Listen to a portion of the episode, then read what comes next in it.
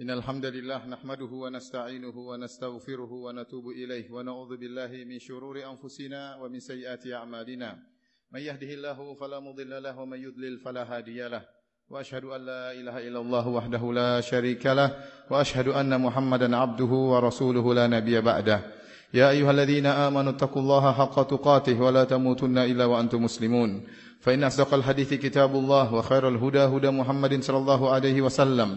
وشر الأمور محدثاتها وكل محدثة بدعة وكل بدعة ضلالة وكل ضلالة في النار معاشر المسلمين sungguhnya di antara perkara yang telah diketahui oleh kaum muslimin sekalian bahwasanya amal saleh sebesar apapun sebanyak apapun sebanyak apapun perjuangan untuk melakukannya sebanyak apapun biaya yang dikeluarkan untuk mengerjakannya Namun jika tidak memenuhi dua persyaratan yaitu ikhlas karena Allah dan sesuai dengan sunnah Nabi sallallahu alaihi wasallam maka tidak akan diterima oleh Allah Subhanahu wa taala.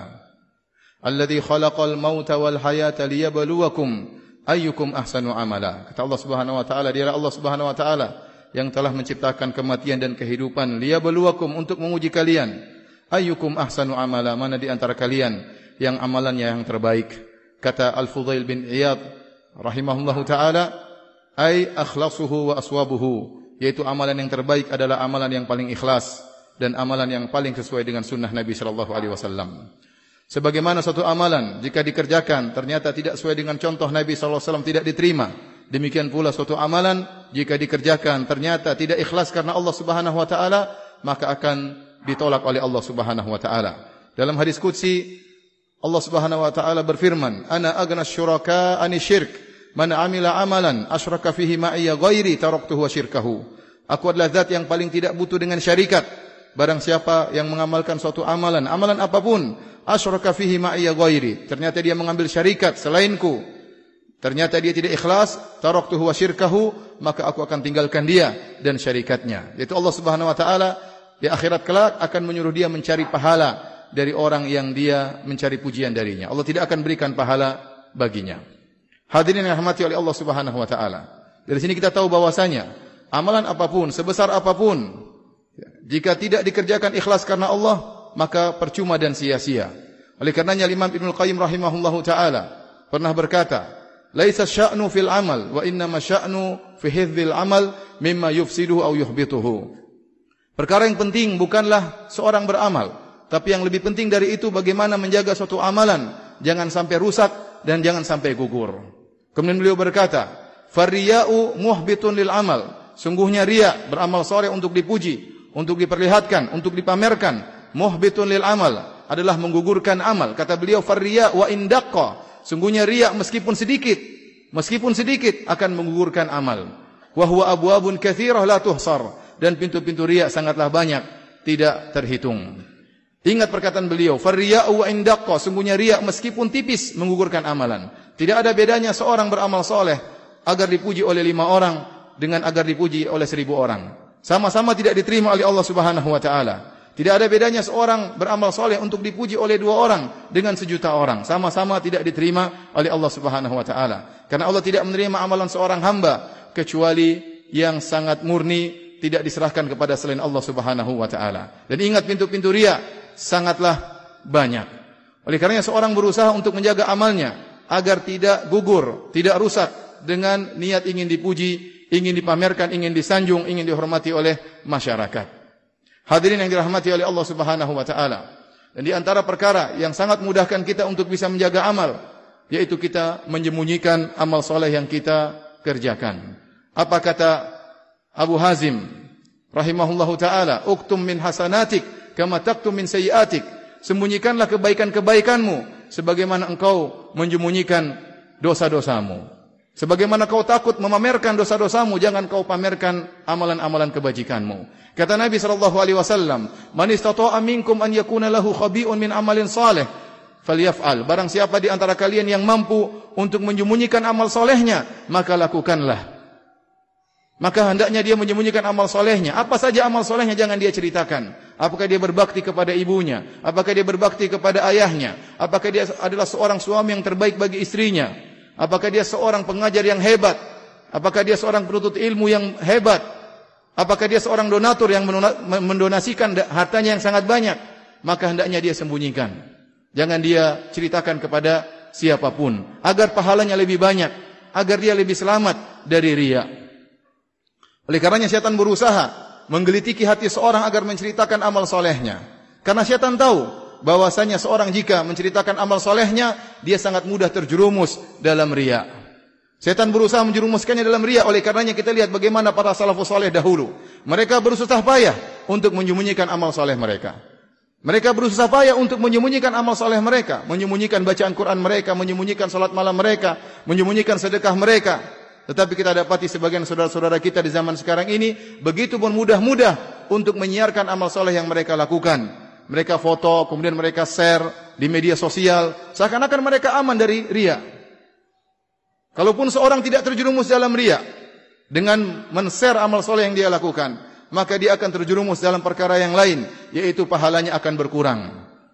Amal yang tersembunyi pahalanya lebih besar daripada amal soleh yang disiarkan. Kata Allah Subhanahu wa taala, "In tubudu shadaqati fa ni'mahi wa in tukhfuha wa tu'tuha al-fuqara fa huwa khairul lakum wa yukaffiru ankum min sayyi'atikum wallahu bima ta'maluna khabir." Kata Allah Subhanahu wa taala, kalau kalian menampakkan amal soleh maka itu baik. Tapi kalau kalian menyembunyikannya, lantas kalian berikan kepada fukara, kepada fakir miskin, maka lebih baik bagi kalian. Dan niscaya Allah akan mengampuni dosa-dosa kalian. Dan sungguhnya Allah maha mengetahui apa yang kalian lakukan. Apa yang kalian lakukan, Allah pasti tahu. Sedekah apapun yang kalian lakukan, rakaat yang kalian rukuk, solat yang kalian lakukan, bacaan Quran tilawah yang kalian lakukan, Allah maha mengetahuinya. Tidak perlu memberitahukan kepada orang lain. Maka ini lebih selamat dari penyakit riak yang sangat berbahaya. Ingatlah, syaitan tidak peduli anda beramal soleh sebanyak apapun. Kalau anda riak, maka gugurlah amal soleh anda. Bahkan bisa jadi syaitan lebih suka seorang beramal soleh dengan riak daripada seorang tidak beramal sama sekali. Kalau seorang tidak beramal sama sekali, dia tidak memiliki pahala. Tapi seorang yang beramal soleh dengan riak, maka dia mengalami banyak kerugian. Yang pertama, dia sudah rugi waktu, rugi tenaga, rugi biaya. Bayangkan jika ada seorang berhaji, ternyata riak, hanya ingin dipanggil Pak Haji, hanya ingin diakui oleh masyarakat, hanya ingin dihormati oleh masyarakat. Betapa kerugian yang dia rasakan, biaya kerugian tenaga, kerugian biaya. Ya. Dari sisi lain bukan cuma rugi tenaga dan biaya, bahkan bukan cuma pahalanya nol, bahkan dia mendapat minus, dia mendapat dosa. Karena ria adalah dosa besar yang mengancam seorang terjerumus dalam neraka jahanam. Semoga Allah Subhanahu wa taala menjauhkan kita dari penyakit riya dan semoga Allah Subhanahu wa taala memudahkan kita untuk ikhlas kepada Allah Subhanahu wa taala. Aqulu qawli hadza wa astaghfirullah li wa lakum wa muslimin min adh-dhunubi wal khati'ah innahu huwal ghafurur rahim.